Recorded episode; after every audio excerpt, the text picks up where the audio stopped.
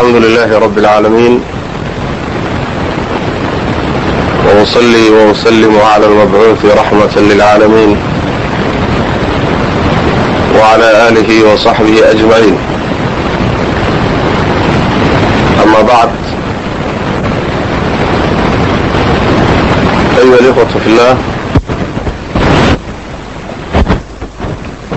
kelimada aan jeclahay darsiga ninka ka yidhaahdo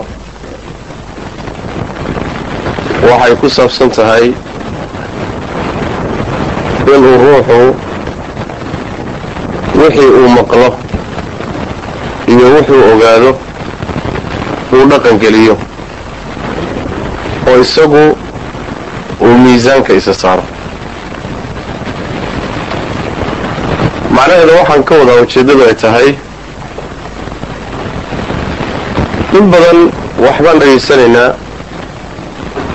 waa maqlaynaa waan akhriyaynaa laakiin haddana waxaa laga wayaabaa dad badan inay uba haystaan.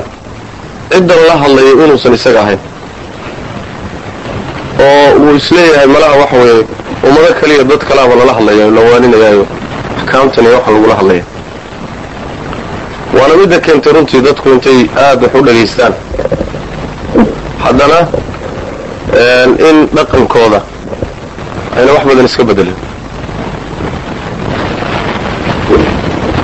Rabbi subxaana wa tacaala qur'aanka wuxuu ku leeyahay kuma dheeraan doono kelimada insha allahu tacala inaan gaabiyaan jeclahay si waktigoo iska gaaban aan jaanis ugu helo yacni wixii su'aalo ah ee waktiga inay u bataan baan jeclahay insha allahu tacala marka kelimo gaaban baan ka odhan doonaa haddii aan laidmo walaalayaal marka allah subxaana wa tacaala wuxuu ku sheegay qur'aanka in dadka waanada qaataay ay yihiin dadka mu'miniinta. Sayadakaru man yakshaa waxaa waanada qaadanaya dadka alla ka baqa subxana wa tacaala waanada qaadashadeeda iyo inuu ruuxu isagu intuusan cid kala fiirin naftiisa fiiriyo oo wixii loo sheegayay ay wax ka bedelaan markhaati waxay u tahay ruuxaasi inuu iimaan leeyahay isbeddelkuna marka ugu horraysa waa qalbigu ku dhacaya rabbi subxaana wa tacaala mu'miniintuu ku tilmaamay aladiina ida dukira allahu wajilat quluubuhum وإذا تليت عليهم آياته زادتهم إيمانا وعلى ربهم يتوكلون مؤمنين تدبتي kuwa marka allah la xusuusiyo subxaana wa tacaala markii allah la xusuusiyo ay quluubtoodu baqdo oy quluubtooda cabsi gasho. Isbedel baa qalbiga ku dhacaya. Iimaankooduna uu ziyaado. Laanna cabsida qalbiga iyo ruuxu inuu dareemo waanadii iyo wacdigii iyo aayaadkii iyo axaadiistii yacni waqciga ay qalbiga ku yeelanayaan inay isbaddeshaayey arrintaasaa waxay siyaadinaysaa iimaanka kobcinaysa. Wajilat quluubuhum yacni quluubtooda ayaa baqda way cabsataa cabsi baa gasha. Iimaankooduna wuu ziyaadaa. Rabbigoodna way tala saartaan subxana wa tacaala. Haddii aad aragto marka in uun aayadihiina aada akhrinayso ama lagugu akhrinayo axaadiistiina lagu akhrinayo ama aada akhrinayso isbeddel weynna uusan noloshaadii ku dhacaynin. Wixii waajibaad aad dayaci jirtayna sidii baad u dayacaysa. Wixii xaaraam aad qasan jirtayna sidii baad u qasanaysa. Mas'alo u baahan weeye inaad dib isugu noqoto. Masalo u baahan weeye inaad dib isu fiiriso. Waxbaa si ka ah. Waxbaa si ka ah. Laakiin maxaa si ka ah? Waa inaad isweydiiso limaada ilaahay subxaana wa tacaala diintiisu wax kaaga qaban laada limaada allah subxaana wa tacaala waanadiisa iyo wacdiga iyo zawaajirta iyo hanjabaadda iyo yani waxa weye tahdiidaadka iyo waciidka iyo muxuu wax kaaga qaban lahay. Maxaa noloshaada wax iskaga bedeli layihiinoo aada naxwa alafdal yani dhanka fiican maxaad isugu bedeli la-da su'aal inaad isweydiiso u baahan way in baan inaad isweydiiso u baahan way. Saxaabada ridwaanullaahi calayhim waxaa dhaqan u ahaa inaga gedisnaayeen waxaa dhaqan u ahaa aayad qur'aana markay soo degto inuu markuu maqlo uu horta ruux kale intuusan fiirin isagu miisaanka isa saaro. Aayaddaa hadday amar bixinayso inuu qaatuu isku dayaya. Hadday wax reebayso inuu ka hadhu doonaya. Hadday fadli sheegayso tartan inuu u galo isagu ugu horreeyo isku dayaya. Dad waxay ahaayeen yacni marka ugu horreeya aan cid kala fiirinina iyagu lafahooda horta bal ismiisaama baynamaa innaga nusuustu intay dhacayso ama qur'aan la akrinayo ama wacdi la bixinayo ugaanada la sheegahayaba dad kale ad u aragtaaba inay u socoto haddii khalad laga hadlayo dad kalaa khaldan haddii waajib la dayacay laga hadlayo dad kala dayacay haddii macnaha waxa weeye wax alla wixii la sheegayo o dhan waxay kula tahay dad kala la hadlaya adigaba yani waxa weye qasadku maaha. Cunsurkaasi ama dhibkaasaa wuxuu yahay dhibka keenay runtii inuu ruuxu muddo dheer intuu wax dhagaysto haddana isbeddel inuusan ku dhexin waana nasiib xumo runtii inteeda leg cumar radi allahu canhu ayadda qur'aanka ah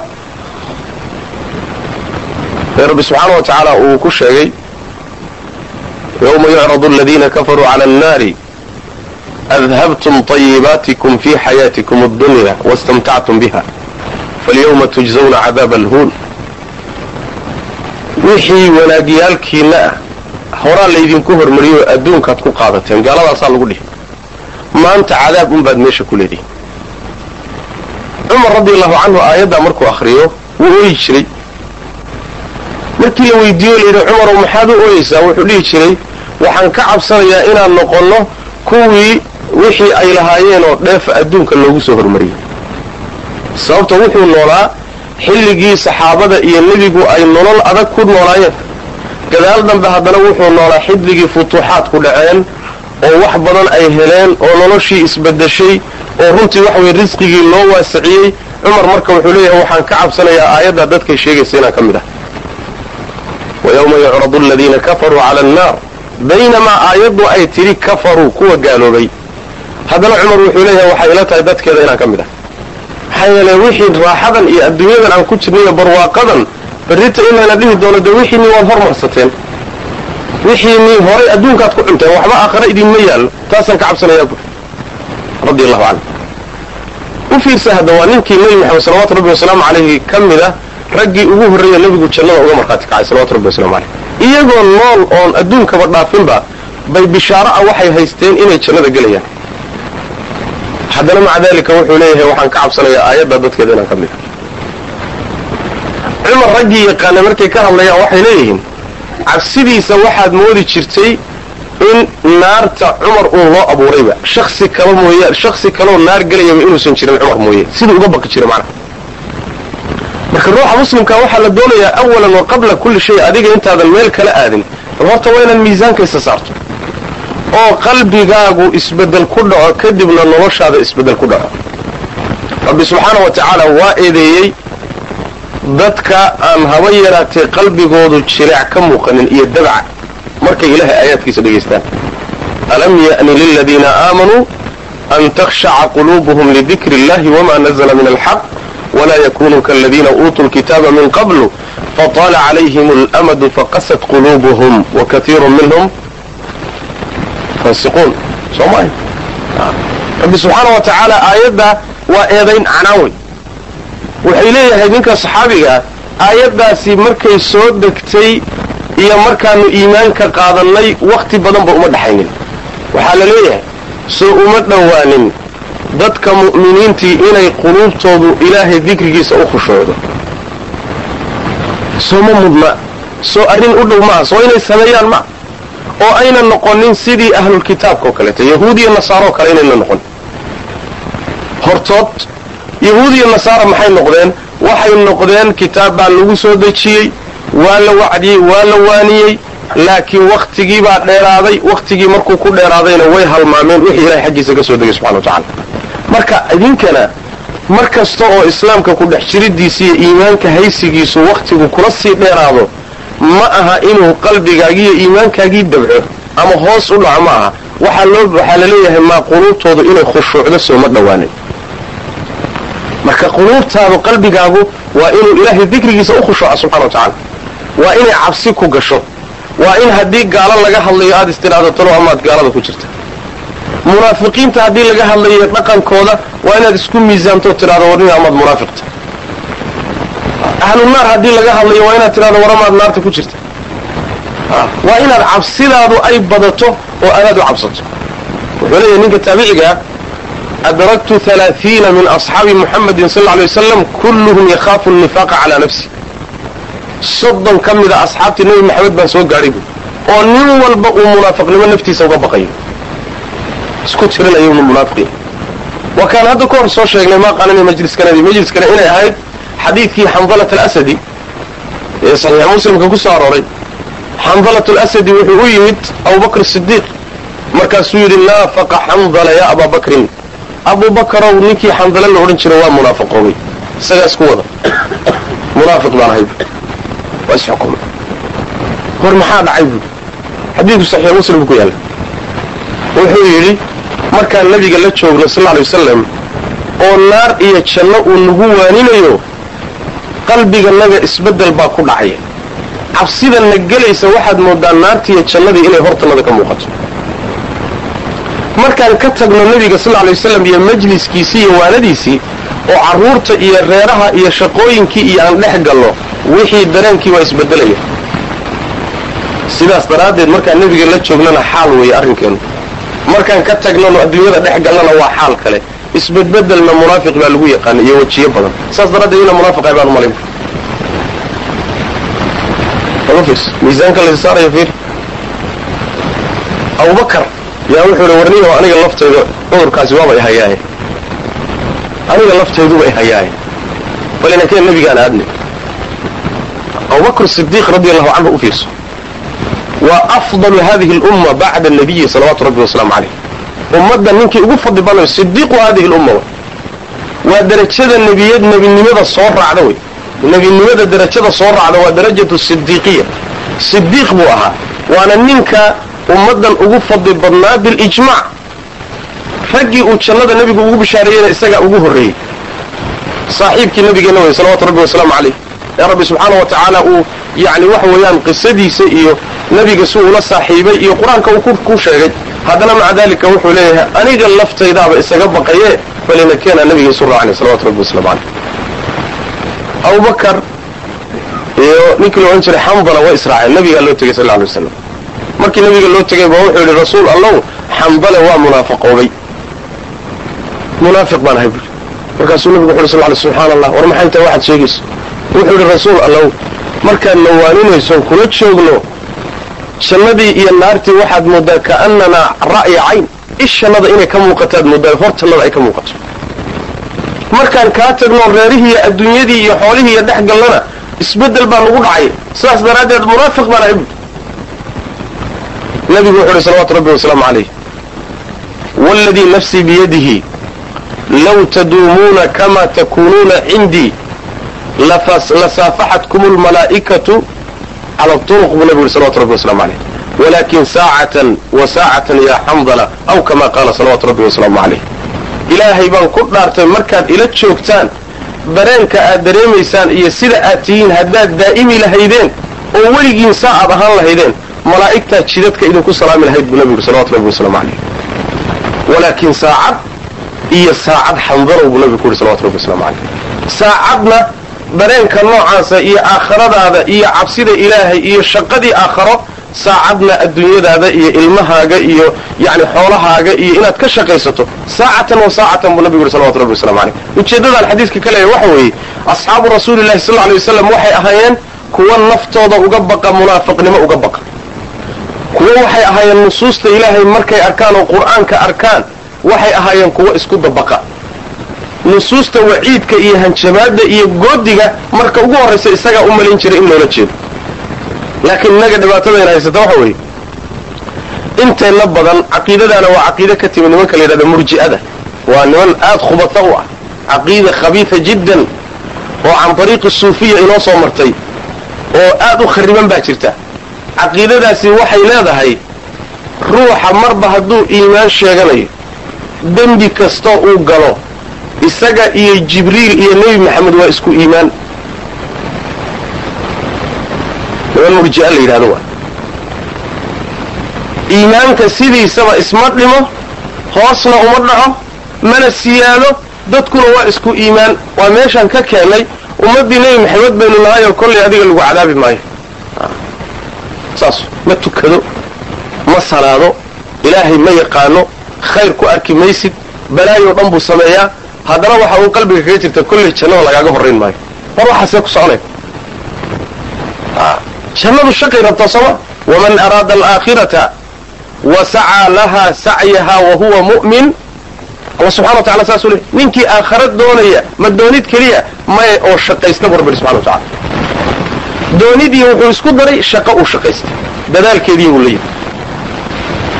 Kuwaa way kuwa ilaahay subxana wa tacala uga mahad celinayo waxay la yimaadeen oo ilahay janno u ku abaalmarinaya subxana wa tacala marka walaalayaal waa in adiga iyo lafahaaga shaksiyan waa inaad ismiisaanta wey oo xataa adoo dadaalaya oo salaadaya oo cibaadaysanaya oo ilaahay subxaana wa tacaala diintiisa u shaqaynaya oo dadaal hayo waajibaadkii gudanaya xaaraamtana ka cararaya haddana waxaa la doonayaa inaad isliiddo ood u aragto weli meeshii lagaaga baahnaa inaadan buuxinin.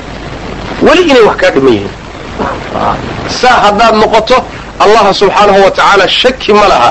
Yani baahidaadaas waa u muuqataa waana arkaya rabbina subxana wa tacaala. Yani waxa way isaga ku garab qabanay.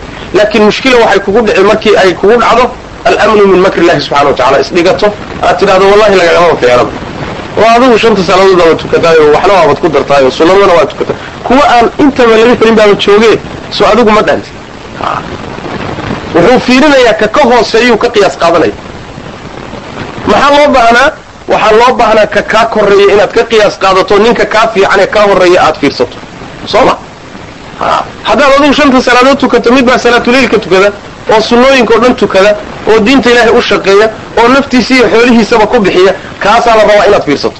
Oo tidhahdo wallahi waa lagaa horreeya. Ka daba tag. Laakiin haddaad tidhahdo oo midaan tukanin baaba jire soo raadkaagii dib maada u qaadin lama rabo. Adduunyada waxa ilaahay markaad ka hadlayso adduunyada markaad fiirinayso ayaa waxaa layna yidhi adduunyada waxaad fiirisaan ruuxa idinka hooseeya. Laakiin ka kaa korreeya ha fiirini ruuxa kaa hooseeya haddaad fiiriso xagga adduunyada waxay kugu bixinaysaa ilaahay nicmaduu ku siiyey inaadan yasinayno kula yaraanin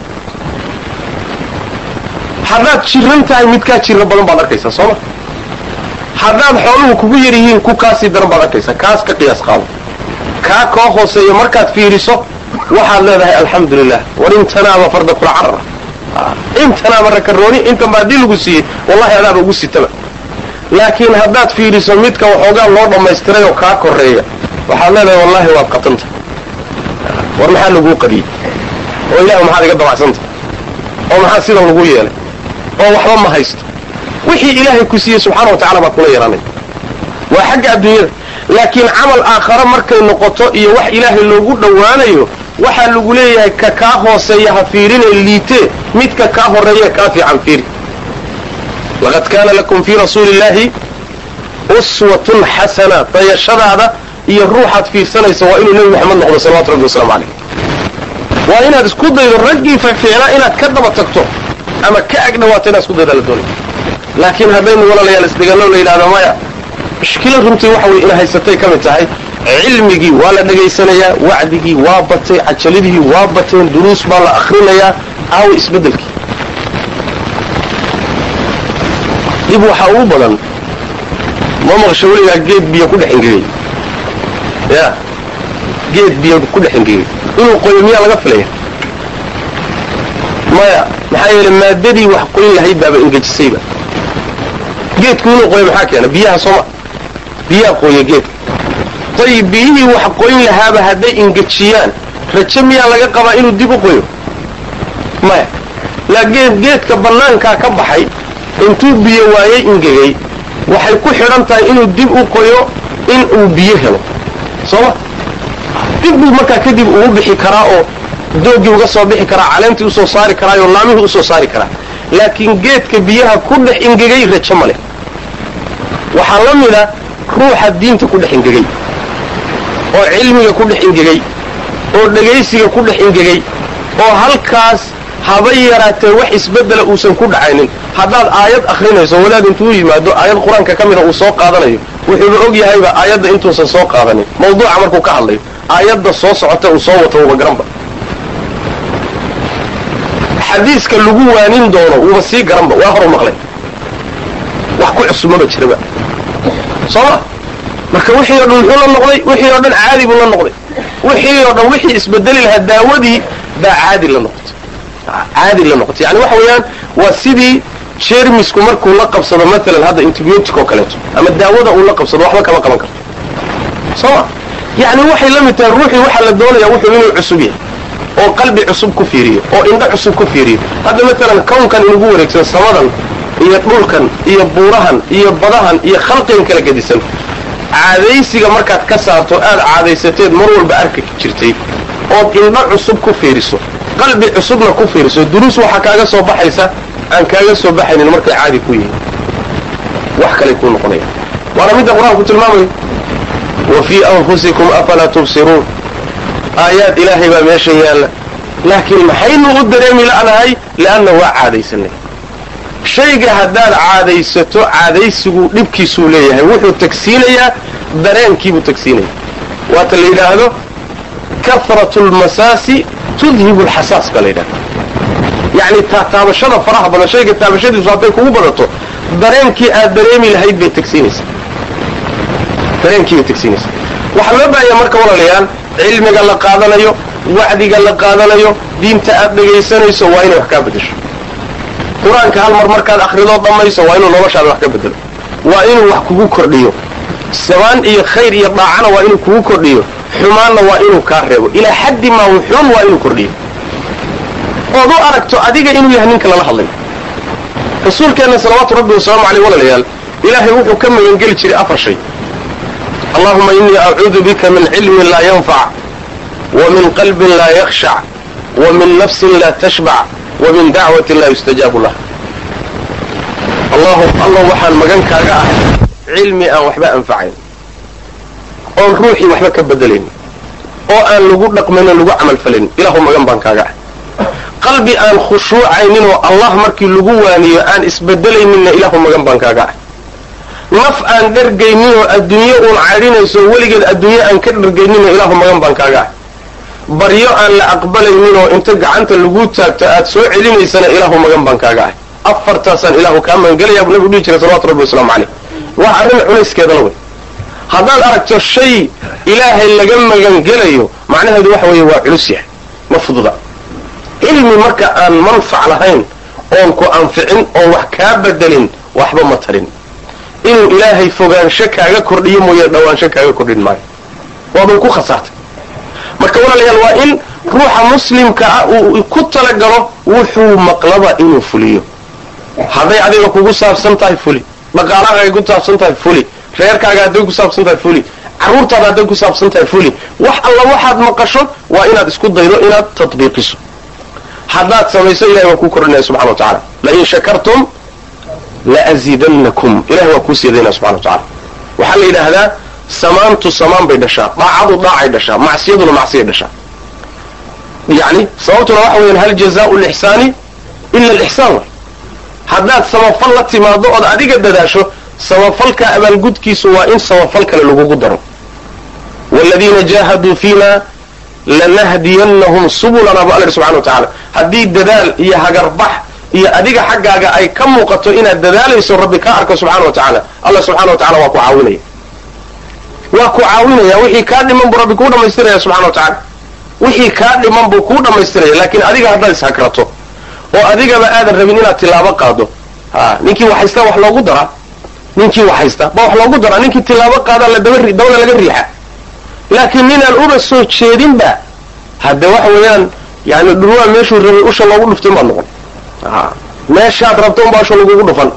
Khayr ma rabti soo maa khalaas. Shaydaan iyo balaaya lagula xidhiidhinaya wanaag baad rabtaa tilaabadiisii qaad. Ilahi baa subxana wa tacala kuu kaalmaynaya marka inaad tilaabo qaadood isxilqaanta walaalayaal oo tacawudkan oo nusuusta dhagaysigeeda aan caadaysanay aan ka baxno oo nusuusta lagu dhagaysta dhag cusub qalbi cusub lagu qaabilo yacni waxa weye diyaargarow aad diyaar u tahay inaad fuliso aan ku qaabilo ayaa laga maarmaana allah subxaana wa tacaala walaalayaal dadka intay uun diinta dhagaystaan ama bartaan kadibna ka tegaya laba tusaale oo aad u khariban laba tusaale oo yacni waxa weeyaan aad u liita. Laba shay oo aad u liita. Buu rabbi subxana wa tacala qur'aanka ku tusaalay oo mihaal kaga bixiya mid suurat lacraaf bay ku jirtaa midna suurat ljumca ta koobaad waat rabbi leeyahay subxaana wa tacaala yani waxa wey watlu calayhim naba aladii aataynaahu aayaatina fansalakha minha faatbacahu shayطaanu fakana min alghaawiin walow shi'na larafacnaahu biha walakinahu akhlada ila alardi waاtabaca hawaa famahaluhu kamahali اlkalb in taxmil calayhi yalhath aw tatrukhu yalhath rabbi wuxuu yidhi subxaana wa tacaala waxaad ku dul akhridaa mid qisadiisa iyo sifadiisa ku dul akhri muxuu ahaa kaas mid ilaahay aayaadkiisii siiyey oo diinta ilaahay bartay oo gartay oo maqlay markaa kadibna ka dhex siibtay fansalakha minhaa sida neefka xoolaha haragga looga siiboo kale yuu uga dhex siibtay dhaqan ulumuusan imaanin waa ka tegey faatbacahu shayطaanu fakana min alghaawiin markiiba shaydaan baa dabada ku xidhay oo shaydaan baa kaxaystay rabbi wuxuu yihi subxaana wa tacaala walow shi'naa larafacnaahu biha haddaan dooni lahayn waanu kor baan u qaadi lahayn oo aayaadkaas sababtood baan kor ugu qaadi lahayn walakinahu akhlada ila alardi laakiin isagaa dhulka isku waariyey dhulku isku dhejiyey dhulku isku dhejiyey maxaa laga wadaa yacni adduunyada iyo dheefteedii iyo quruxdeedii baa laga fujin waaya haddii la damcay ilaahay aayaadkiisa intuu qaato oo rumeeyo ku dhaqmo in kor loo qaado oo darajadiisa kor loo qaadoo la karaameeyo la sharfo waxaa laga fujin waaye dhulkiibuu isku dhejiyey akhlada ila alardi waatabaca hawaahu kadibna wuxuu raacay waxay naftiisu jeclayd. Rabbi subxaana wa tacala wuxuu yihi famahaluhu kamahali lkalb sifadiisu waa sifada eygoo kaleeto. Ufis waa ey oo kale bu rabbi subxana wa tacala in taxmil calayhi yalhath aw tatruku yalhath. Eyga haddii aad caydhiso ood weerar ku qaadoo eridana wuu hiraanhirahayaayoo carabku laalaadinaya haddii aad faraha ka qaaddo eyga iska dayso geedka uu iska hadhsadana mar walbaba carabka waa laalaadinaya waa hiraanhiraya. In taxmil calayhi yalhath aw tatrukhu yalhath waa la yidhi subxana wa tacala ey miyaa carab laalaadintiisa dahay xoolaha kale waa ka gedisanaya xayawaanaad kale. Xayawaanka kale waxay carabka laalaadiyaan markay daalaan ama ooman yihiin sooma laakiin ey isagu mar walba carabkana waa laalaadinayan caliyana waa daadinaya yaa la mida kaas? Waxaa la mida barbari subxaana wa tacaala ninka ilaahay intuu diin siiyey cilmi siiyey aayaad siiyey maqlay bartay ka dhex siibtay. Ey oo kale wayaan barbari subxana wa tacaala soo walaalayaal tusaale xun maa ya ey wax lagu miisaaliy ma wax sahlan ma. Wax sahlan maaha saas daraaddeed diintaad maqlayso ha kaa muuqato. Isbeddel ha kugu samayso. Way kugu samayn weyda somaa waad un dhegaysatay meeshii baad kaga dhaqaaqday. Rabbi subxaana wa tacala wuxuu leey eygoo kale ula mid miithaalka labaad ee rabbi u sameeyey qur'aanka waxa weeyaan suuratu ljumuca midka ku soo arooray. Mathalu aladiina xumiluu tawraata uma lam yaxmiluuha kamahali alximaari yaxmilu asfaara. Kuwii tawreed loo xambaariyey oo aan xambaarin tawreed xilkeedii baa la saaray. Xilkeedii mayna qaadina way ka tageen inay ku camal falaan bay diideen. Waa xambaarsan yihiin wayna garanayaan way fahansan yihiin laakiin dhaqankii bay ka tageen. Sifadoodu iyagana waxay la mid tahay sidii dameer oo kale burburi subxana wa tacala dameer. Dameerka tusaale waxaa loogu soo qaataa. Yani waxa weeye fi lxumqi fi lxumqi waa qilat alcaqli waalfahm garasho la'aan iyo nacasnimo baa sideedaba dameerka tusaale loogu soo qaata hebel waa dameer haddii la yidhahdo macnaha waxa weeyaan waxba ma fahmo wey waa ahbal nacas waay. Marka rabbi subxaana wa tacaala caqli xumadooda iyo garaad xumadooda wuxuu leeyahay waxay ka dhigan yihiin sidii dameero oo kale wey mufis mihaal haddii mihaal sifadaada laga dhigay sifa dameer oo kaleeto. Marna laga dhigay sifadaada sife ey oo kaleeto. Ma wax ka liitaa jira meeshii ugu liitay baa meeshii ugu liidatay baa taalla. Saas daraaddeed allah subxaana wa tacaala haddii aad maqasho wixii uu xaggiisa ka soo degay ama nebi moxamed salawaatu rabbi wasalaamu caleyh dhaxalkii xaggiisa ka yimid haddaad maqasho waxaad isku daydaa si aadan dameer u noqonin iyo ey waxaad isku daydaa inaad dhaqan geliso. Dhaqan ula imo. Oo ha bato yacni camalkaagu ha bato. Maalinta qiyaamadana waa lagu weydiin oo waa ka nabigeenu salawaatu rabbi wasalaamu caleyh odhanaya laa tazaalu qadama cabdin ywma alqiyaamati xataa yus'al can arbaca addoonku meesha uu taagan yahay maalinta qiyaamada ka zuuli maayo oo lugaha ka qaadi maayo. Ka dhaqaaqi maysid meeshaa taaganta. Ilaa afar arrimood laga weydiiyo buu nabigu salawatu rabbi waslamu caleyh afar su'aalood ilaa lagu weydiiyo. Ma dhaqaaqis. Maxay yihiin? Can jismihi fima ablaah wa can cumrihi fima afnaah wa can cilmihi fima camil wa can maalihi min ayna iktasabahu wa fima anfaqa jidhkaagii xaggeed ku dhammaysaa lagu weydiinaya jidhkaagii ilaan waa adiga arkay bini aadamku markuu koro oo xoogaysto qaangaadhka markuu gaadhiyo wixii ka dambeeya jidhkiisu waa is haystaa.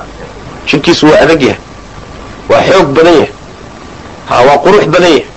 Jidhkii sidaas ahaa markuu muddo joogo wakti gaadho waa yani waxa quruxdii waa baaba'aysaa. Xooggiina waa dabcayaa. Boolbool buu u kala furfuranayaa. Marka ugu dambaysa wuxuu gaadhayaa inuu kici waayoba su'aasha lagu weydiiye waxay tahay jidhkaagu markuu sidan u baaba'ahayo maxaad ku baabisay maxaad xamaalaysay ilan jidhka shaqa unbaa baabiisay sooma maxaad ka shaqaynayso ood u kala haysay oo shaqaynayso oo qabanaysay oo inta aad haysay maxaad dhihi? Maxaad ku jawaabi? Waa inaad tidhaahdo ilaahu xalaalna maalmana marna xalaal baan raadinahay oon xamaalahay oo xuquuqdii aad isaartay baan dee gudanahay marna hade daacadaadaan ku jiray oo halkaasaan ku mashquulsanaa waa jawaab saxa waad fakan markaa haddiise laakiin ay noqoto ilaahu xamaal un baan ku jiray oo adduunyo un baan eryahayay oo diiwaankiiba laga waayaba xamaalkii aakhara laga waayo khalaas waa ku dhamaatay marka. Imtixaanka waad ku dhacday. Su'aasha labaadi waxa weeye cimrigaagii xaggeed ku dhammaysay cimrigu waa maalmaha ku maraya saacadaha daqiiqadaha asaabiicda sannadaha yacni wakhtigan ku maraya ayaa cimrigaaga. Daqiiqad walba iyo saacad walba xaggeed joogtay maxaad si qabanaysay baa iyaduna su'aal. Ma aha yani waxa weeyaan daqiiqad iska dhaafa xataa ilbiriqsi baa layskula xisaabtamaya ilbiriqsi baa ilahi subxana wa tacala hortiisa layskula xisaabtamaya ilbiriqsigaa maxaad haysay baa lagu odhanaya laxdadaa maxaad ku mashquulsanayd. Waa inay marka soo baxdo intaad khayrka ku mashquulsanayd inay ka badnayd intaad ku mashquulsanayd adduunyo ama maaha macaasi iyo dunuub haddaad gashay waa inay tani badato. Su'aasha saddexaadi waxa weeyaan ujeeddadu ay tahay hadda xadiiska aan u keenay wa can cilmihi fima camil. Wuxuu bartay oo u ogaaday wax maxaad kaga camal fashay baa lagu odhanaya. Haddaad ogaatay shay hebel inuu xaaraam yahay ma daysay. Ribada haddaad ogaatay inay xaaraam tahay ma ka tagtay. Zinada haddaad ogaatay inay xaaraam tahay ma daysay. Qabyaaladda haddaad ogaatay inay xun tahay ma ka tagtay yacni xaaraamta ma ka tagtay? Waajibaadkii ilaahay ku saaray haddaad ogaatay inuu waajib kugu yahay ma gudatay tana hortaal waxaad ogaatay maxaad kaga dhaqantay? Ma qaadatay ma ku dhaqantay. Mise intaad maqashay unbaad faraha ka qaatay? Waa su'aal iyaduna. Su'aasha afraadi waxa weeyaan wa can maalihi min ayna iktasabahu wa fima anfaqa. Xoolahaagii meeshaad ka keentay oy kaa soo galeen iyo meeshaad ku bixisay baa iyadana lagu weydiinaya dirham kasta iyadana labadaas su'aalood baa dul saaran. Shilin kasta oo ku soo galay. Senti kasta laba su'aalood baa dul saaran. Xaggeed ka keentay ma xalaal mise xaaraam markii dambe xaggeed ku bixisay ma meel ilaahay ogolyahay mise meel ilaahay uusan rabin? Labadaas su'aalood baa dul saaran.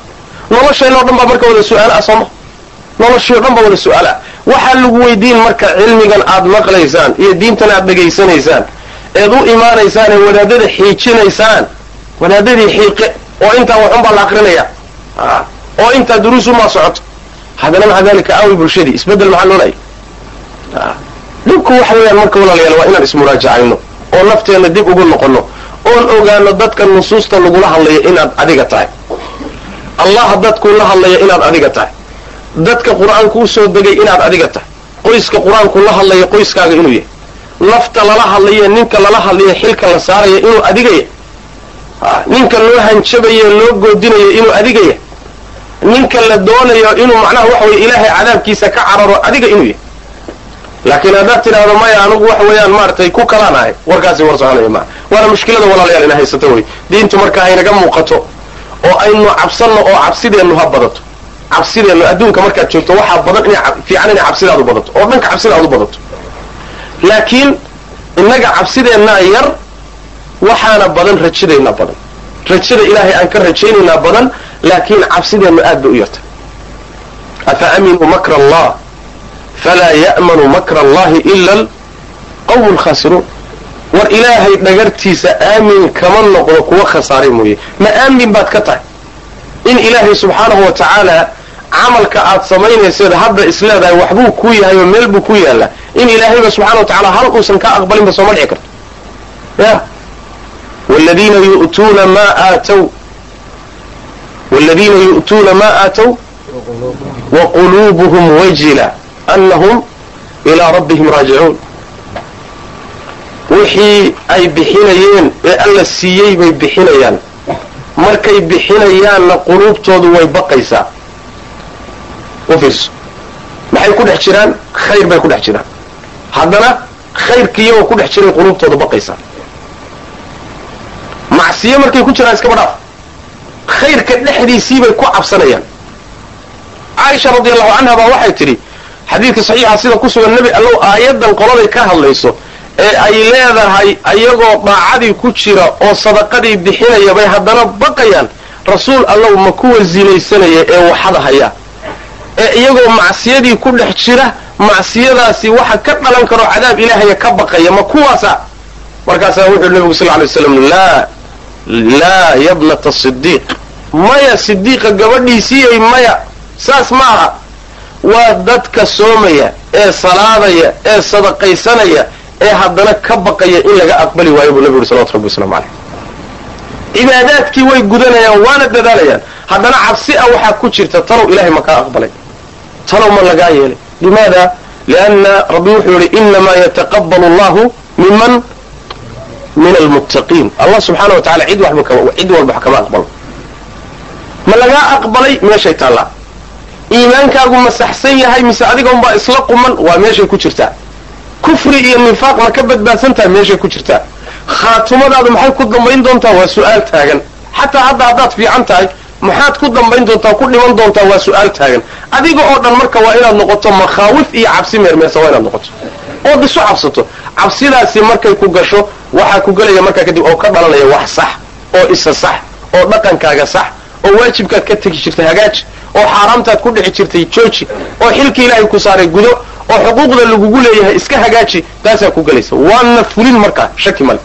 Laakiin waa in qalbiga wax ka yimaado oo isbeddel qalbiga ka yimaado oo cabsi qalbiga ay gasho oo aad diyaar u noqoto inaad isbedesho noloshaada inta ku laabo haddii kaleeto sidaad sidaa u tahay ood u caadaysanaysood u dhegaysanaysood u imaanaysood u maqlayso oo yaad qalaf maalinta dambe ti ilahay baa ku imaanaysa. Wax isbedelana maadan samayn. Ya soo kuma taalla marka. Wa can cilmihi fima camila soo adiga kuma taalla. Aday ku taalla su'aashaas. Walaalayaal marka waa inaynu isku dayno nolosheenna inaan wax ka bedelno nolosheenna inaynu wax ka bedelno ilaahay subxaana wa tacaala diintiisu inaad ta'tiiriso oo waxaan maqlayno aynu yani khayr ay inoo siyaadiso xumaan fara badanna ay inaga celiso oo aynu nolosheenna inta inoo laaban inaynu wanaag siyaadsanno mooye inayna dib u noqonin. Nabigeenna salawatu rabbi waslamu aleyh ducooyinkiisa waxaa ka mid ah allahuma inii acuudu bika min alxawri bacda alkawr. Alla waxaan kaa magangelayaa noqosho dhammaystiran kadib. Kawrka waxaa la yidhahdaa shaygu markuu wareegsamo dhammaystirmo. Xawrkana waxaa la yidhahdaa noqoshada la yidhahda macnaha waxa weeyaan in aan u noqdo xumaan iyo naqsi iyo inaan daacadan samayn jira hoos uga dhaco dadaalkaan hoos uga dhaco markii ilaahay dhammaystiran i siiyey kadib. Salaatuleyl baad tukan jirtay waad ka tagtay. Waa xawrun bacda alkawr soomali sadaqaad baxsan jirtay waad joojisay waa xawrun bacda alkawr dib baad u noqotay.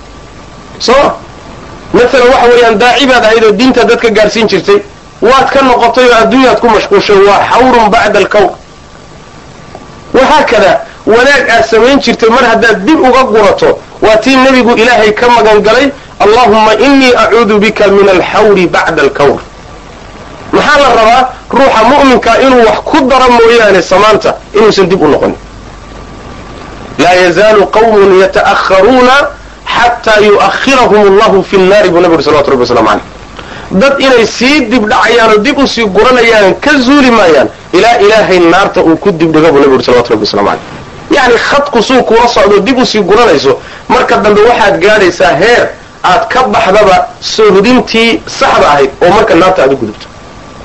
Likulli camala shira walikulli shiratin fatra. Xadiiskii saxiixa nabiga ka sugnay sal ly waslam camal kasta xiisuu leeyahy xiise kastana dhammaanshuu leeyahy ruuxii xiisihiisu markuu soo dhammaado dib uu ula noqdo oo sunnadii nebiga uu la gudbo oo gadaal uu la aadaayay ninkaasi waa halaagsamay buu nabigu uri salawatu rabbi wasalaamu caleyh ninkii markuu soo daano oo xiisihii intuu ka soo dhammaaday iyo xamaaskii iyo nashaadkii oo dib u soo noqdo sunnadii aan ka gudbin oo sunnada isku celiya. Ninkaasina waa hagaagay buu nabigu salawatu rabbi sunnadaydii buu raacay buu leeyahay oo ruuxaasi ruux wala hagaagsan. Marka khadka taraajucigee dib kuu wada waa inaad mar walba isku daydo inaad iscaabiso. Waa inaad isku daydo inaad isceliso. Waa inaad isku daydo horay inaad u socoto ma inaadan dib u noqonin. Oo aad tashatood xisaabtanto ayay u baahan tahay. Shaksiyan adiga adoo nin kaleeto firin inaad adiga miisaan isaarto ood yani waxa wey naftaada la fadhiisato. Naftaada la fadhiiso. Oo markaynu adduunyadeenna xisaabinaynaba qol intaynu isku soo xidhno oon calculator qaadano ama combyuutar qaadano. Baynu wixii maantayna soo galay iyo wixii baxay iyo ganacsigii iyo baynu samaynaayo markaasaan ka goo ku dar ka goo xasiila maxaa soo baxay? Waxaasaynu akrinayna war aakhiradaada soo uma baahna inaad la fadhiisato laftaada. Ood gooni maalin intaad ula fadhiisato bal la xisaabtanto kow iyo laba ku dar iyo ka go-a tiraa ya soo laftaada uma baahna. Aakhiradaada waa u baahanta qul inamaa acidukum biwaaxidatin an taqumuu lilahi mathna wafuraada uma tatafakkaruu hal mid baan idinku waaninaya ku dhibaa nabiga salawatu rabbi waslamu aleyh hal arrin baan idinku waaninaya maxay tahay inaad istaagtaan oo alla dartii isu taagtaan idinkoo laba laba ah ama mid mid ah kadibna aad fikirtaan keligaa gooni intaad u baxda inaad fikirtaan loo bahay laba laba iyo saddex saddex inaad u fikirtaan baa loo bahay ood ka fikirtaan maxaa lagu abuuray hawshii lagu abuuray maxaad ka qabatay maxaa kaa maqan xaggeed maraysaa yaa kaa fiican yaa kaa hooseeya yani waxa weye inaad xisaabtanto ayay u baahan tahay sidaad adduunyadaada u xisaabinayso aakhiradaada inaad xisaabiso ood naftaada la xisaabtanto haddii kaleeto yani waxa weeyaan yani sida cumar xaasibuu anfusakum qabla an tuxaasabuu. Haddaad adigu hadda isxisaabiso xisaabta aakhara waa fududaanaysa. Nin baa waxaa laga sheegay weligay ligama garhelin bu yidhi. Weligay ligama garhelin bu maxaa dhacay baa le? Intaana geedka imaanin baan soo garrabaa buhi anugu intaan anigu geedka imaan geedka lagu garrabayo baan anigu gar naqdaa oo aan miiska saaran oo idhahdo wareedha ma gar daranta.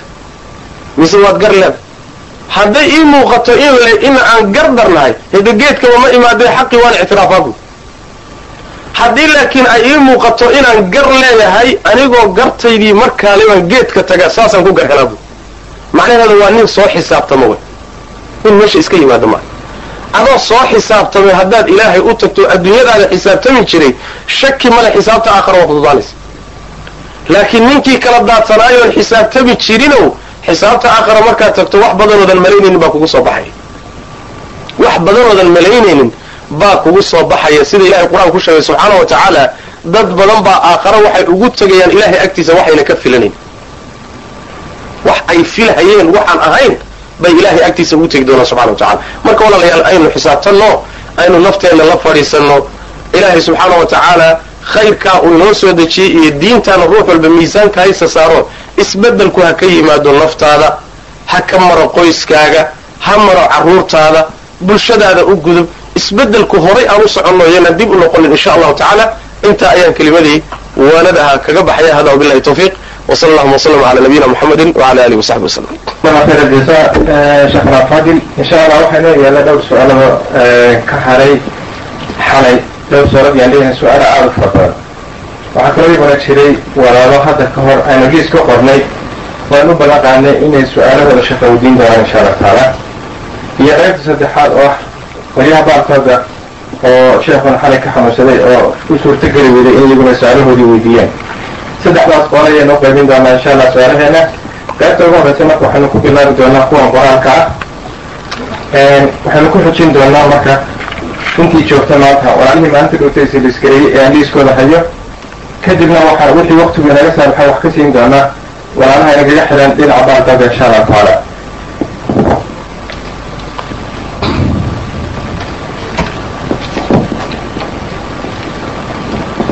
Sheekh saa-aalka koowaad wuxuu leeyahay walaal waxaa dhacday in aan mar niyadda ka furay xaaskayga laakiin aanan ku dhawaaqin. Haddana aan goostay inaan dhaqdo reerkaygii maxay xukunkaygu noqo muxuu xukunkaygu noqonaya? Bismi raxmaan raxiim furitaanku niyadda keliya kuma dhaco niyadda keliya furitaan kuma yimaado. Ama waa inuu ficil raaco ama waa inuu hadal raaco. Hadal wuxuu raaci karaa inaad ku dhawaaqdo furitaankii. Ficilna wuxuu raaci karaa inaad gacantaada ka qorto qur'aan ku samayso furitaankii. Laakiin qalbiga ayaan ka niyaystay bas ah wax kuma furmaan waxaana taa ku tusaya xadiiska nabigeena sal ly waslam ina allaha tajaawaza liummatii ma xadatat bihi anfusuha aw nafsuha. Yani waxa weeyaan allah wuxuu u dhaafay ummadayda wixii nafteedu ay ku sheekaysanayso haddayna ku hadlin ama ayna samaynin. Saasuu xadiisku leeyahy marka dalaaqii haddaadan ku hadlin oo qalbigaagu unaad ku sheekaysatay waa xadiidu nafsi wax ka soo qaad ma bal waxaa wax ka weyn baaba naftu ku sheekayn kartaayoo khatar noqon kara haddana maca daalika ilahay waa inaga cafiyey subxana wa tacala waa waxaynaan awood u lahayn oo qalbiga wax kama celin karno wuxuu iska rabaa adiga xumaanta celceli baa lagu yidhi. Waxaad dadabaari karto laakiin waxa weyaan isaga maro badan kaa xoogan waxbaa iskaga soo dhacaya waa iska furay. Shaydaan badan marka qaarkood iskala gelaya afka waxbuu isaga sheegsheegaya adigana ma celin karti marka laa yukallifu llahu nafsan ila wuscaha wixii karaankaaga ilahi kuguma kalifin subxana wa tacala marka niyo keliya wax kuma furmaan wabilahi tawfiq bismillah. Sheekh sa-aalkan wuxuu leeyahay walaal waxaa jira waxaa la yidhaha balwadu inay nocyo badan tahay. Qaarkood qur'aanka yaa ma yaa caddeeyey. Tusaale ahaan waxyaalaha shakigu inta badan dadka kaga jira waxaa ka mid a qaadka iyo sigaarka. Marka maxaad arrimaha ka odhan lahayd? Waxaan moodaya waxyaalahaas in waa horaba la bartay oo hadda hadalba ka jooginba. Ninkii isagu runtii balwadda iyo nafta rabitaankeedu ka xoog ka xoog batay waa meesheed. Laakiin waxaan u malaynayaa ruux muslimahoo hadda uu xuun ka dhagaystay masalada. Inaysan shaki kaga jirin qaadka iyo sigaarku labaduba inay xaaraam yihiin. Xaaraamnimadeedana waxaa laga yaabaa inaad tidhaahdaan maalan ama uu isugu sheekayo ruuxa naftiisu xumaanta rabto. Inuu yidhaahdo waxaad keentaa aayad qur'aan oo odhanaysa yaa ayuha aladiina aamanuu laa ta'kulu lqaat laga yaabaa inuu yidhahdo oo nafta ugu sheekayso. War sigaarka cabina aayad odhanaysa keen u dhadaa laga yaabaa. Laakiin shareecada shareecada markay arrimaha daaweynayso ama ka hadlayso qaabo badan bay u daaweysaa qawaacid waaweyn bay leedahay qawaacidda waaweyn ayay shareecadu wixii cusub ee soo kordhaba lagu miisaamaa. Qawaaciddeeda waxaa ka mid ah rabbi subxaana wa tacala wuxuu yihi nabigeena markuu ka hadlayay sifadiisii ku taallay kutubtii hore yuxillu lahum alطayibaat wa yuxarimu calayhim alkhabaa'is ummadiisa wuxuu u xalaalaynayaa waxyaalaha wanaagsan waxyaalaha xunxunna wuu ka xaaraamaynaya waxyaalaha xunxun iyo waxyaalaha wan wanaagsan waxaa lagu kala gartaa shayga haddii ay dhibkiisa iyo dheeftiisu dhibkiisu badan yahay waa xaaraam dhibkiisa iyo dheeftiisa hadday dheeftiisu badan tahayna waa xalaal. Su'aal baa marka isweydiin leh. Qaadka iyo sigaarka ma dhibkoodaa badan mise dheeftoodaa badan? Dadkii cabi jiray aaway kuwa hadda caba la weydiin maayo kuwii cabi jiray ka toobadkeenay baa rabaa ya. Dhibkoodaa badan shaki ma leh. Soo ma? Ama dhibkay caafimaadka u geysanayaan ama dhibkay dhaqaalaha u geysanayaan ama dhibkay caqliga u geysanayaan ama dhibkay qoyska u geysanayaan. Yacni dhibaatooyin aan yarayn ayay u geysanayaan ruuxa waxa uu ka manaafacaadsanayana manaafacaad haddii la yidhahdo waa saacadahaas uu yaro maqan yahay qaadka khaasatan. Saacadaha uu qaadiraysan yaho adduunka ishalmaansiiyey manaafacaad haddii la yidhahdo waa inta ma manaafacaad baa intaas. Ya intaa waa inta khamrada laga helo. Waa inta khamrada laga helo. Khamrada ilahi muxuu yidhi? Yas'aluunaka can alkhamri wاlmaysir qul fiihimaa ihmun kabiiru wamanaaficu linnaas. Yacni khamrada iyo khamaarka yay ku weydiinayaan waxaad tidhaahdaa khamrada iyo khamaarka waxaa ku jira dembi iyo manaafacaad. Maxaa laga dambaysiiyey wa ihmuhumaa akbaru min nafcihimaa dembigoodiiyo dhibka ku jira ayaa manaafacaadkooda ka weyn. Oo khamrada manaafacaadka ku jira muxuu yahay culimmadu waxay yidhaahdaan waxoogaa markaa khamrada uu cabo buu wuxuu dareemayaa farax iyo nashwa. Nashwa ee carabi. Farax iyo caalam kale iyo walbahaarkiibuu halmaami oo yani haddii carabtuna waxayba samayn jireen markuu ninku khamrada cabo sarqaamo. Hadda nin sarqaasan xoolama reebtee yani waxa weeyaan wuu bixinaya waa sadaqaynaya. Geeliisuu soo qabanaya dadku u gawracahaya waxoogaagaana waa lagu qabi jiray waxoogaagaana waa lagu qabi jiray nashwadaas iyo waxoogaaga marqaankee uu dareemayo intuu sarqaansan yahayna waa manaafacaad yar. Laakiin manaafacaadka dhibka ka dhalanaya marka la garab dhigo keebaa weyn? Ya wa ismuhumaa akbaru min nafcihimaa. Saas daraaddeed ba shareecadu xarimto. Haddaad marka tidhahdaan siraa sigaarka waxoogaadaa ku jira manaafacaad waa kii khamrada ku jira oo kaleeto bal waxaa laga yaabaa ka khamradu inuu dhaamaba.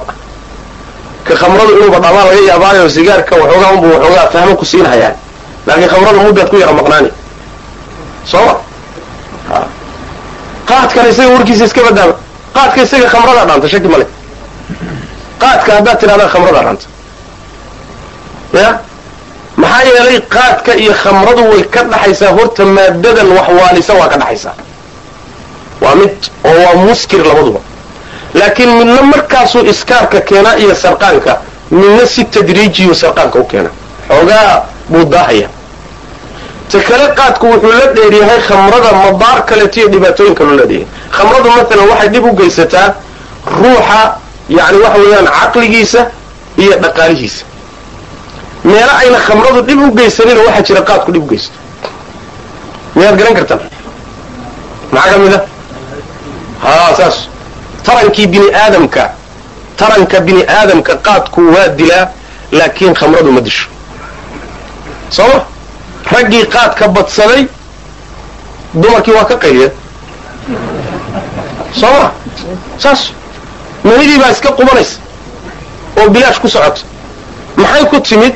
Manidan tadaate biyahan aad arkaysaan waa biyaha ay ku imaanayso nasliga iyo taranka bini aadamka uu ku imaanayo. Ciyaar maaha soo ma ah marka mashalada meesha taallaayo waxa weeyaan khamradu nasliga ma disho laakiin baalkayda qaadku waa dilaa.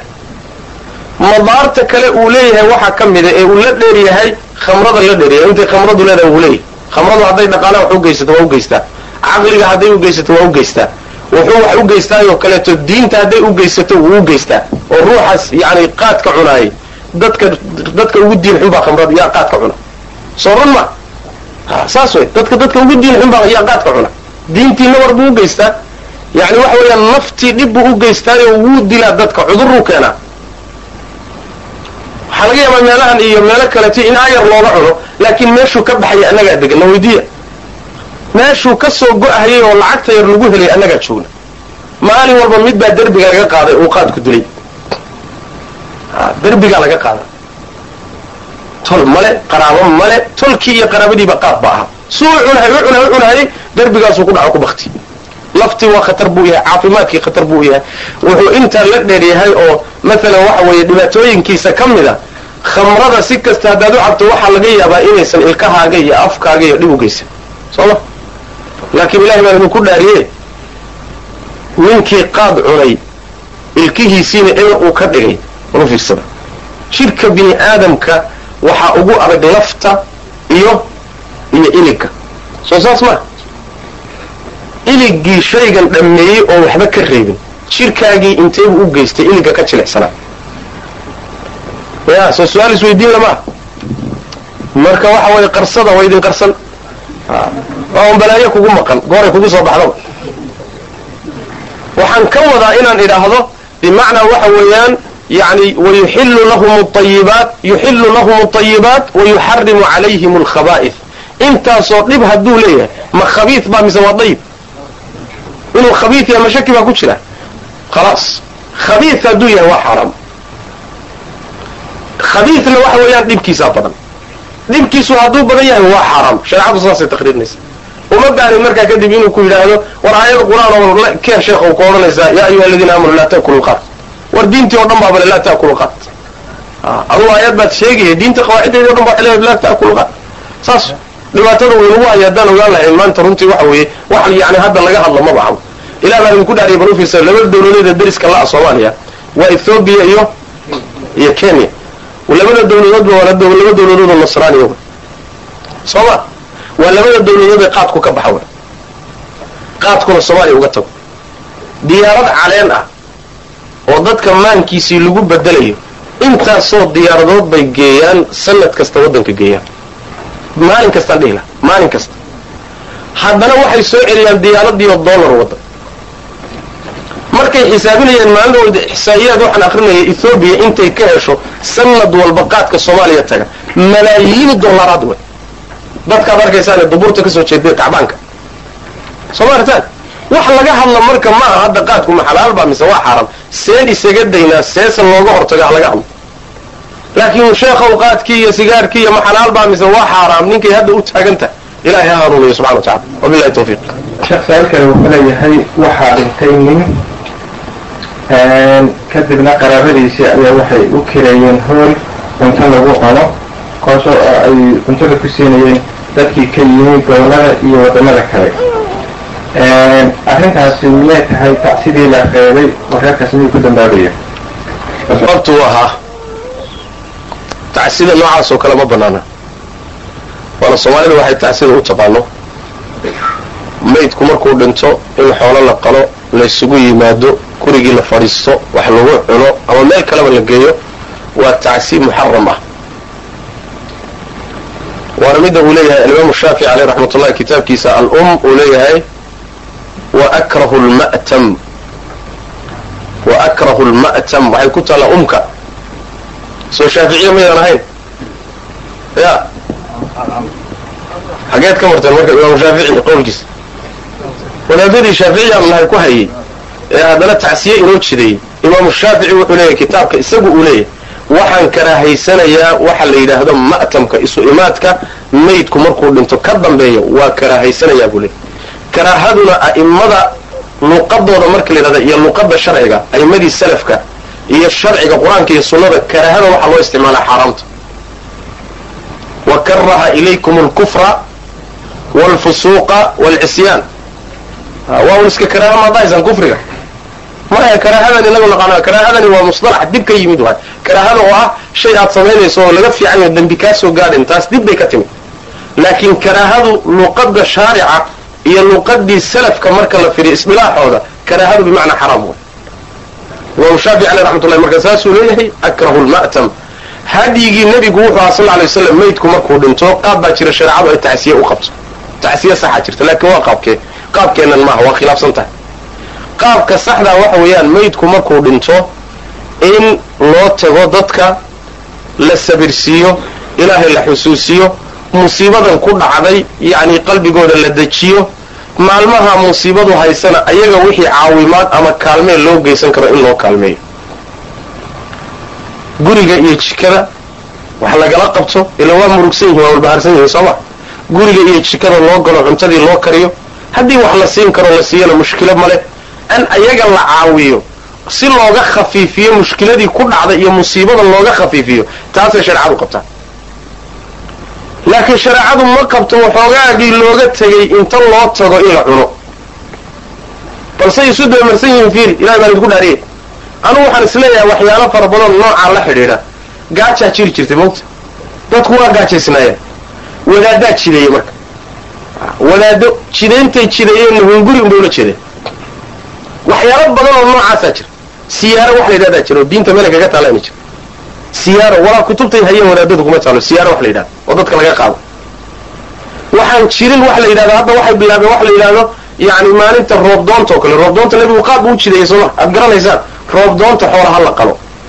War xageed ka keenta xoolo roobdoon la qalahay. Intaasoo munaasabadood oo wax lagu qalahayo oo wadaadadu ay dadka u sheegeen oo diin uga dhigan baa jira. Hal mid oo sal kule ayna ku jira qur'aan iyo sunnatoona aan lagu hayn saas daraaddeed khayrulhadyi hadyu muxamedin sala allahu alayhi wasalam jidkii rasuulka aan qabsanno. Wixii dhaqanee khaldanaa ninkii keenana ilaahay ha u dembi dhaafo intii samaysayna ilahay ha u dembi dhaafo ninkii ogaadayna markuu ogaaday kadib ha joojiyo wabilahi tawfiq yahay walaal waxaa waxaan haystaa lacag meel taalla oo aan wax dhaqdhaqaaqa samaynin. Haddii aan hal mar sake ka bixiyo miyo mar labaad saka ku waajibaysaa jawaabtu waxa way ahaa haddaynan qiyaastii sakada ku waajibaysa hoos uga dhicin. Maxaa yeele waxaa la yidhaahdaa waxyaabana waxyaabana waxa weeyaan faa'iidada ay soo saaraan baa laga zakeeyaa. Waxyaabana waxaa laga zakeeyaa isaga laftiisaaba qaabilu linnubuwi linnumuwi bay dhahaan culimmadu.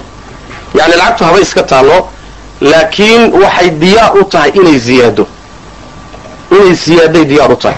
Saas daraaddeed lacagta waxaa laysku waafaqsan yahay lacagaha hadday xataa iska yaalaan sanadkiina u soo wareego qiyaastii zakadu kaga waajibaysana ayna hoos uga dhicin sanad walba waa in laga zakeeyo qiyaastay zakadu kaga waajibayso aan idinku daro waa meeqa? Ya meeqay zakadu kaga waajibtaa lacaga? Laba boqol miya? Ma laba boqol oo karoon mise laba boqol oo dollar mise laba boqol oo shilin mise laba boqol oo riyaal ya. Sanad baa u soo wareegay ninkan wuxuu haystaa maalan shan boqoloo shan boqoloo wuxuu haystaa dollar shan boqoloo dollar buu haystaa saka ma ku waajibtay? Ya maxaad haysan? Miyaad iskhilaafsantihin mise waad iswaafaqsantihin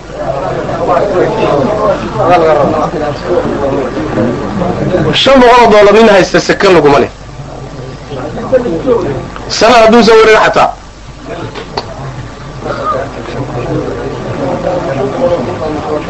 Shan boqol oo dollar nin haystaa isaka kuma waajibin maantoo la joogo.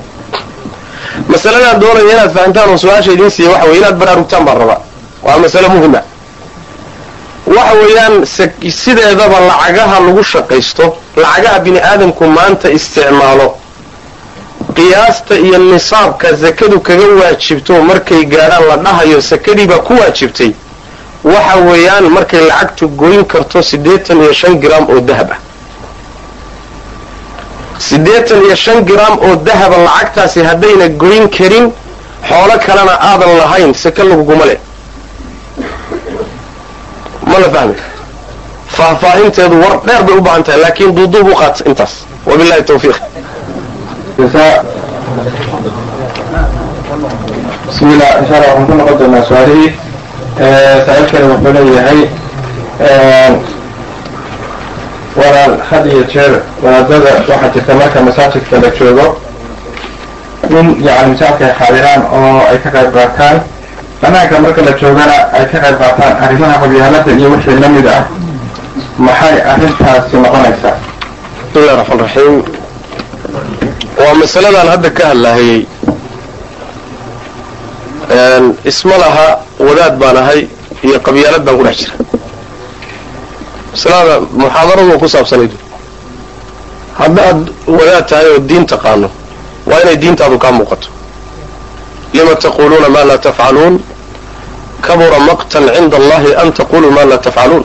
Allah subxaanahu wa tacaala waxa ugu weyna uu ka cadhooda waxaa ka mid ah waxa aad ku hadlayso iyo dhaqankaagu inay kala gedisnaadaan. Culimmadu waa qudwo waa dayasho ummadda raacaysa waa lagu dayanayaa. Saas daraaddeed cudurrada bulshada haya waa inay ka fayow yihiin. Hadday culimmadii jiradaan qayla hadday timaado masaajidka loola cararaabaysa ilaydaan soomaalidu. Laakiin hadday masaajidkiiba qayla ka timaado xaggee loo carari ya meel loo carara ma leh. Ninkii wadaadka ay la fiirsanahayay oo bulshadu fiirsanaysae kii qabiilka ka soo qabyaalada ka soo go-a la rabay inuu isaga dayasho ka dhigto. Isagii hadduu runtii ta'auro oo uu xumaantii ku ta'auro iyo qabyaaladii iyo qashinkii hadda waxa weya runtii nasiib xumoga waxaadna ogaanaysaan runtii rasuulkeena salawaatu rabbi wasalaamu aleyh xadiis saxiixa ka sugan oo uu leeyahay dadka qabyaalada iyo aabbayaasha iyo awiyada iyo ku faanaya hadday dayn waayaan. Baalka la yidhaahdo doorshaanka ama xarwalwaalka ilaahay agtii waa ka liidanayaan buu nabi uri salawatu rabbi waslamu aleyh yani dad aada u liitay noqonaya waana liidashadayna haysata way dulliga haddayna haysta maxaa keena idinla tahy ya. Soo xarwalwaal hadda gaba liidan. Doorshaan xataa waxa way dadku waa ka liitaan in badanoo ka mid sababtu waxa weeyaan waxaan mabda ahayn oon qiimo lahayn haddaad adiga qiimo ka dhigatood qiimo u yeesho ilahi subxana wa tacala agtiisa waad ka qiimo dhimanaysa. Haddaad nin culimo aad tahay oo qudu aad ahayd ood soo noqotay ood xumaanta dib ugu soo noqotayna waa ka sii halisan tahay. Dadka maalinta qiyaamada ugu cadaab badan bay ka mid tahay yani waxa weye saddexda maalinta qiyaamada cadaabka loogu horgeyn doono nin caalimaa ku jira. Nin caalimaa ku jira. Marka waxa weeye yani dadka ahlul khayrka ilahay ka cabsaya subxana wa tacaala iyo dadka akhyaarta midna inaad kala saartaan waa loo baahan yahy midna inaad kala saartaan way u baahan tahay. Oo ah ninka wadaadkaa inuu reerkiisa uu wax u sheego xidhiidhiyo danahoodiiyo masaalixdooda ka shaqeeyo qabyaalad ma ah qabyaalad ma ah waxaa la diidan yahay dulmigii ay wadeen iyo gardarraday wadeen inaad garab istaagto oo aad dulmido dadkay dulminayaan ama aad gar siiso khaladkay ku jiraan. Markay gar daran yihiinna waa inaad tidhahdo war waad gar darantihiina dadka daaye a markii laga gardaran yahay oo ayaga gardarradu ay ku socotona shareecadu waxay ka qabto waa inaad mariso. Xaalad fitna hadday tahay jidkii ay leedahay waa inaad mariso. Inaad marka waxa weeyaan qaraabo xidhiidhinta aan loo qaadanin inuu ninku ka qayb galo maalan waxa weeye shir qabiil uu leeyahay laakiin macnuhu uu yahay inuu risaalada gaadhsiiyo. Maaha inuu qodobadii qabyaalada iyo maxaynu samaynaa iyo ree hebel lagu duulo iyo qaaraankii ree hebel magaalo heblo lagaga qabsan lahaa soo ururiya iyo inuu ka qayb qaato ma laakiin reerkaagiioo maanta halkaa ku shiraya intaad u tagto inaad wacdido diinta ilaahay u sheegtahay ma wax diidayaa jira. Nebigu salawaatu rabbi wasalaamu calayhi wuxuu waxaa ka sugan inuu leeyahay yacni fadhi aan ka qayb galay jaahiliyadii aan ka qayb galay oo maanta hadduu dhici lahaana aan ka qayb geli lahaa baa jira. Fadhigaasi wuxuu ahaa fadhigii qurayshi ay isugu timid oo ay ku gaadhaysid go'aankii odhanayay xaramka dhexdiisa ninna laguma dulmin karo. Waa qabiilkiisii waana shir qabiil. Haddana nebigu waa ka qayb galay wuxuuna uga qayb galay shirka go'aanka ka soo baxaya wuxuu yahay go'aan sax ah oo cadaalad ku shaqaynaya qabiilkii in laga shaqeeyo wadaadku ka shaqeeyo qabiilkiina shareecada qaataan. Ugaaskii in shareecada lagu qanciyo. Iyagii in la waaniyo qabyaalada laga waaniyo xidhiidhin la xidhiidhiyo taasi waxa weeyaan shareecada qabto qabiil iyo qabyaalad baa kala jirta. Qabiilku waa sax inuu jiro nasabku waa loo baahan yahay axkaam baa ka ratimaysa. Nebigu wuxu uhi sal ly wasalam tacallamuu min ansaabikum maa tasiluuna bihi arxamakum. Nasabkiina ka barta waxaad qaraabada ku xidhiidhisaan qaraabada in la xidhiidhiya waa loo baahan yahay nasabkiiyo qabiilku inuu jiro qabiilka jiritaankiisa waxaa ilaahay u sameeyey litacaarafu inaad isku barataan dhaxalkiibaa ka dhalanaya guurkii yaad geydaa yaasan geyin baa ka dhalanaysa. Iskaashi qabiilku uu sameeyaa ka dhalanayo ruuxii dhib soo gaadho in la caawiyo masalada caaqilada oo kaleeto. Waxaa ka dhalay nabigeena salawatu rabbi wasalam labadii qabiile aws iyo khasraj siday u dhisnaayeen iyo ugaasyadoodii iyo salaadiintoodii buu nebigu u daayey salawatu rabbi wasalaamu caleyh sacd ibnu cubaad baa cubaadaa u ahaa mina midna sacd ibnu mucaad baa ugaas u ahaa. Labadoodii ugaasba waa loo daayay. Ilaa waktigii nebigu ka dhimanayay salawaatu rabbi wasalaamu caleyh yani waa jireen qabaaisha waa jireen. Wayna jirayaan waana qaab bulshadu isugu xidhanto. Laakiin qabiilku goormuu qabyaalad isu rogaayo khaldan yahay. Wuxuu khaldan yahay marka loo isticmaalo shay dadka lagu dulmiyo. Oo dadka lagu gardaraysto. Oo xadgudub lagu sameeyo oo xumaanta laysugu kaashado markuu noqdo waa qabyaalad waana midda shareecadu didinta. Amaa qabiil ahaan iyo xidhiidhintiisa iyo iskaashiga iyo taasi waxa weeyaan waa dhalashaday ka timaadaa shareecaduna waxay leedahay dhalashadu ha jirto. Hana laysku xidhiidhiyo. Wabillahi tawfiiq. Sheekh saalkina wuxuu leeyahay walaal allaha ka abaalmariya muxaadareenkii xiriirka ha aada u soo jeedisay. Walaal waxaan maqlay in magaalo ku taalla kenya ay muddo aan fogeyn wada muslimiin iyaga iyo caqilkoodiiba arrintaa ma maqashay maxaase ka jira. Jiif bay ka dhahaan. Yani kenya inay dadku soo islaamaan waa masale aada u fudud waay.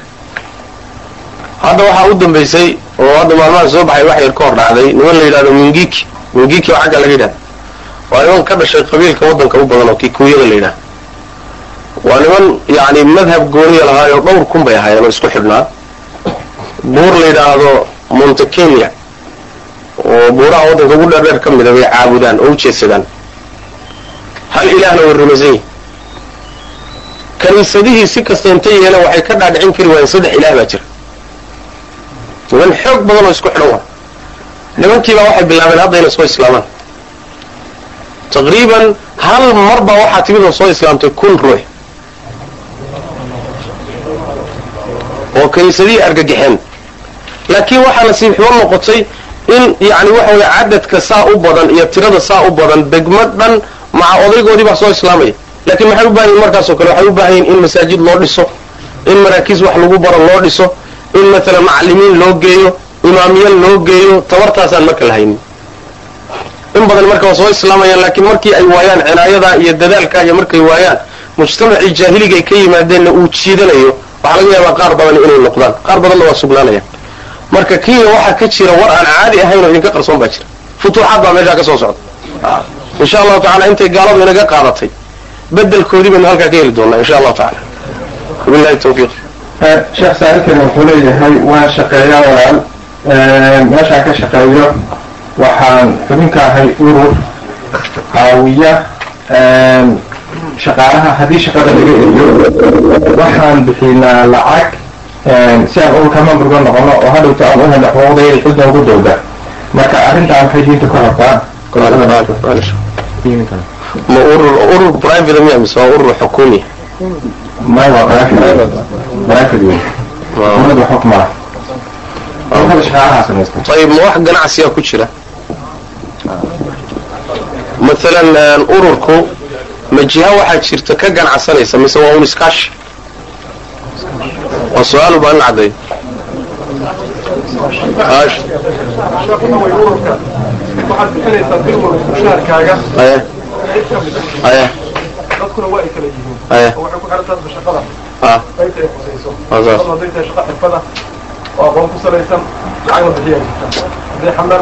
in bixiyaa jirta ururka marka haddii aad shaqo waayitaan hadduu kugu dhaco Mm, bay masruufayaan kusinayaan siddeetan boqolkiiba lacagtaada mm, waa ku duwanaysa kow waxaa dhici karta haddii aan shaqada lagaa egin inaad lacag ka soo bixiso oo qaab caymiskii oo kale u yara eg badmoodaa oo si loo dhigo aniga haddaan wax dhiba i soo gaadhin lacagtaasi xaggee aadaysa?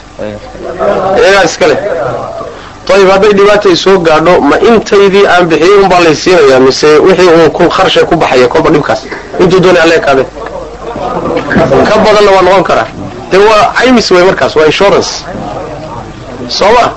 Ah, caymiska ma banaana caymiska wixii aan qasab ahayn ma banaana wixii markaa aan lagugu qasbaynin oo nidaamku uusan kugu qasbaynin meesha ka jira caymisku waa ribo. Yacni waxaa ku jirta ii kaga ogsiin doonaa caymiska waxaa ku jirta ribada labadeeda nooc riba nasiya iyo riba alfadli baa la yidhahda labaduba waa ku jiraan.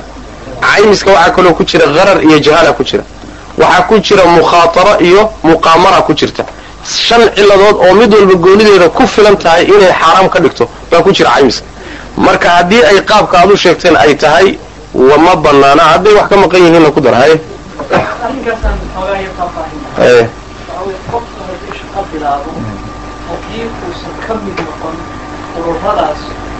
caymis caymis waxay yidhaahdaan ururka shaqa la'aanta haddii shaqa la'aan kugu dhacdo waxaa lagu siinayaa matalan intaa doonto qaado haddaad muddo saddex bilood shaqayso ilaa saddex iyo toban bilood. Haddii aadan ka mid noqon oodan afartii bilood lacagtaas aadan bixin hadhowdii cid lacag ku siinaysa male kumurur ku siin maayo sababto waxaa lagu leeyahay waa shaqaysaa waa inaad bixisaa waad ku khasbanta inaad lacagtaas bixiso si hadhowdii shaqalaaan haddii shaqada lagaa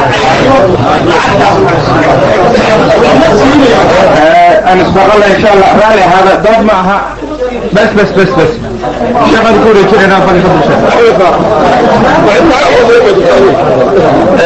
aniga. Idinku saa doontaanba u qaata waxaan idin idhi horta insurance in lagu magacaabo iyo magac kale in loo bixiyo muhiim maaha magacyadu laakiin waxa meesha yaalla ayuu shaygu ama insurance ku noqonayaa ama uusan ku noqonayn hadday mas'aladu tahay waxa aad bixinayso bishiiba intaasaad bixinaysa. Hadhow markay dhibaata timaadana ama adugu shaqola'aan dhe ama shil kugu yimid dhe shaqola'aantu waa nooc shil ah. Shaqola'aan hadday kugu timaadana waa lagu kafaalo qaadaya intaad shaqo ka helayso. Lama garanayo lacagtaad bixisay iyo lacagta dib lagaa siin doono ma isla egyihiin mise way kala badan yihiin soo saas ma ah. Ficlan ama way kala yaraanayaan ama way kala badanayaan. Soo saas ma ah. Mucaamalada noocaas oo kale ah waa mucaamalo khaldan sharcan. Laakiin mid baa furan haddii aad ku qasbantihiin idinkaa garanaya. Masaladan waa masaladan lahaa. Sheekh waxa weye waa labada labada khiyaarba waa idin siinaya. Idinka waaqiciina ula noqdo. Yani sidaydan ugu murminba haddaad ku qasbantihiin oo nidaamka waddanka ka jira idin qasbayo macnaheedu waxa weeye daruur ahaan bay u bannaanaanaysa haddaydan ku qasbanayn oo nidaamku uusan idinku qasbaynin xaaraamtii bay taagnaanaysaa. Markaa kadib idinku ismiisaama wabilahi tawfiiq. Jasaakum khayr sheekh su'aalkan wuxuu leeyahay cudurka la yidhaahda stressku ma ku dhacaa dadka muslimiinta? Stressku waa limya mise waxaa le buufiska la dhamiya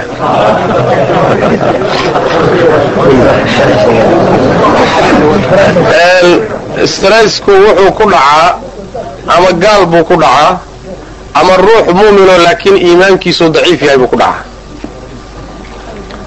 Waxaan u malaynayaa muxaadaradii hore baan kaga hadlay. Markaan lahaa ilaahay qadihiisa iyo qadarkiisa ruuxu hadduu rumaysan yahay stress kuma dhaco saas. Labayna kala tahay waalida iyo isla hadalku isla hadal waay. Soo ma? Waalidu iyada ruuxa muslimka waa ku dhici kartaa waa waalan karaa. Jin bay ka imaan kartaa il bay ka imaan kartaa. Yacni waxa weeyaan waxyaalo badan oo kale ka imaan kartaa. Laakiin tan ku imaanaysa waxoogaa isla hadalka ruuxu hadduu ilaahay qadihiisa iyo qadarkiisa rumaysan yahay ma ku dhacdo. Saas. Laakiin hadduusan rumaysnayn muslimba haba ahaadee ama markaa uu halmaansan yahay way ku dhici kartaa. Wabilahi tawfiiq leeyahay halkan xaafis baana ku haysanaa waxaa la siiyaa lacag. Marka mana taagan yahay waajibkoodii masruufku. Maadaama lacag la siiyo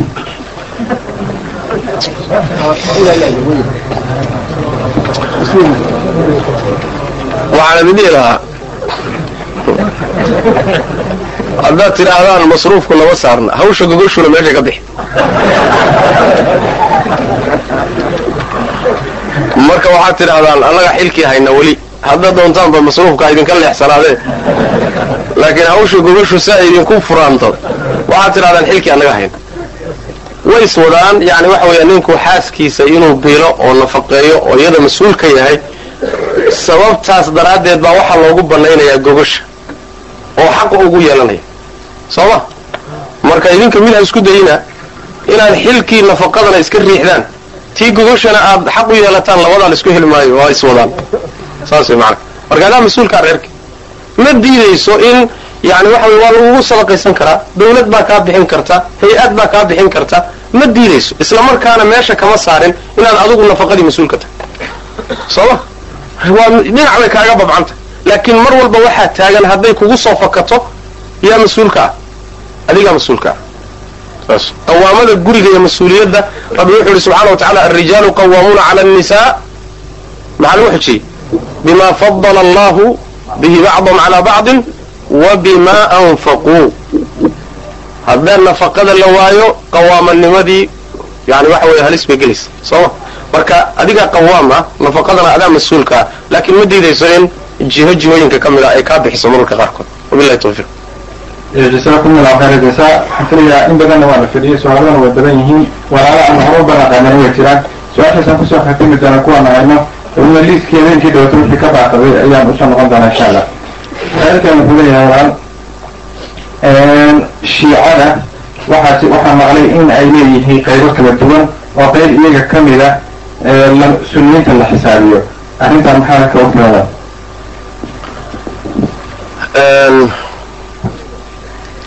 shiicadu horta waa intaasoo kooxood oo aada u fara badan.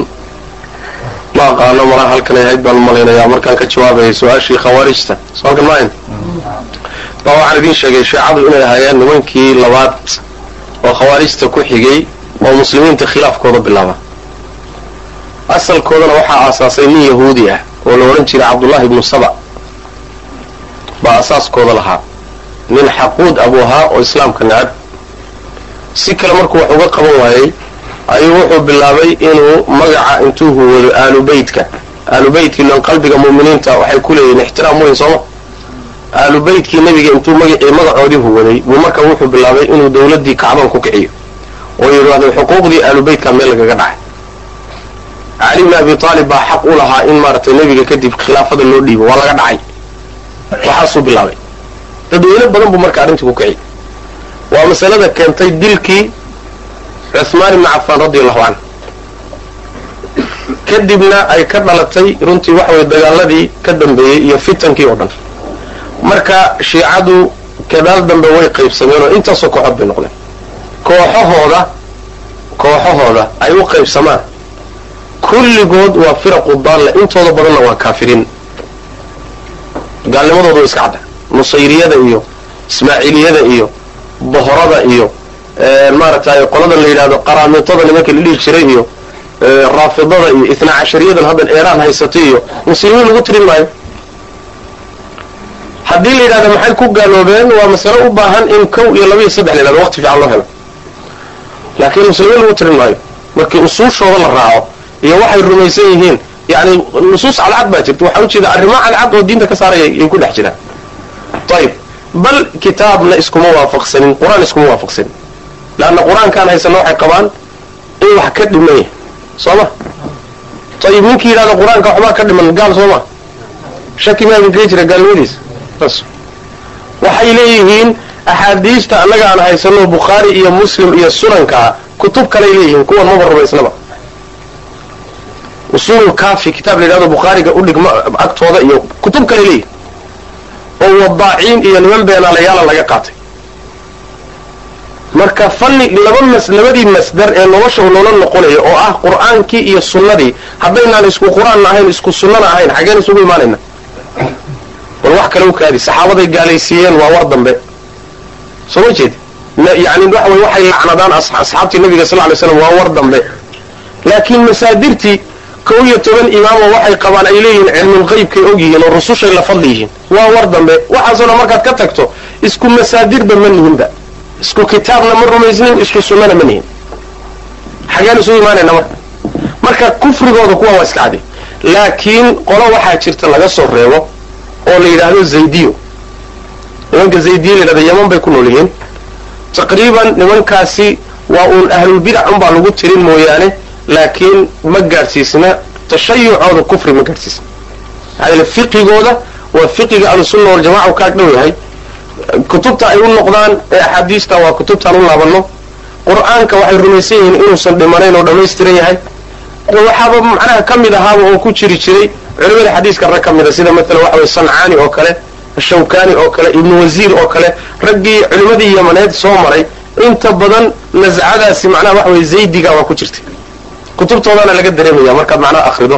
Marka zaydiyadu iyagu waa muslimiin laakiin waxa weeyaan adugu caqaa'idoodii iyo ahlulbidaca unbaa lagu tiriyaa kufri iyaga ma gaadhsiisna laakiin zaydiyada wixii ka soo haro firaqda shiicada iyagu waxa wey xaalkoodu ma dhowa wabilahi tawfiiq.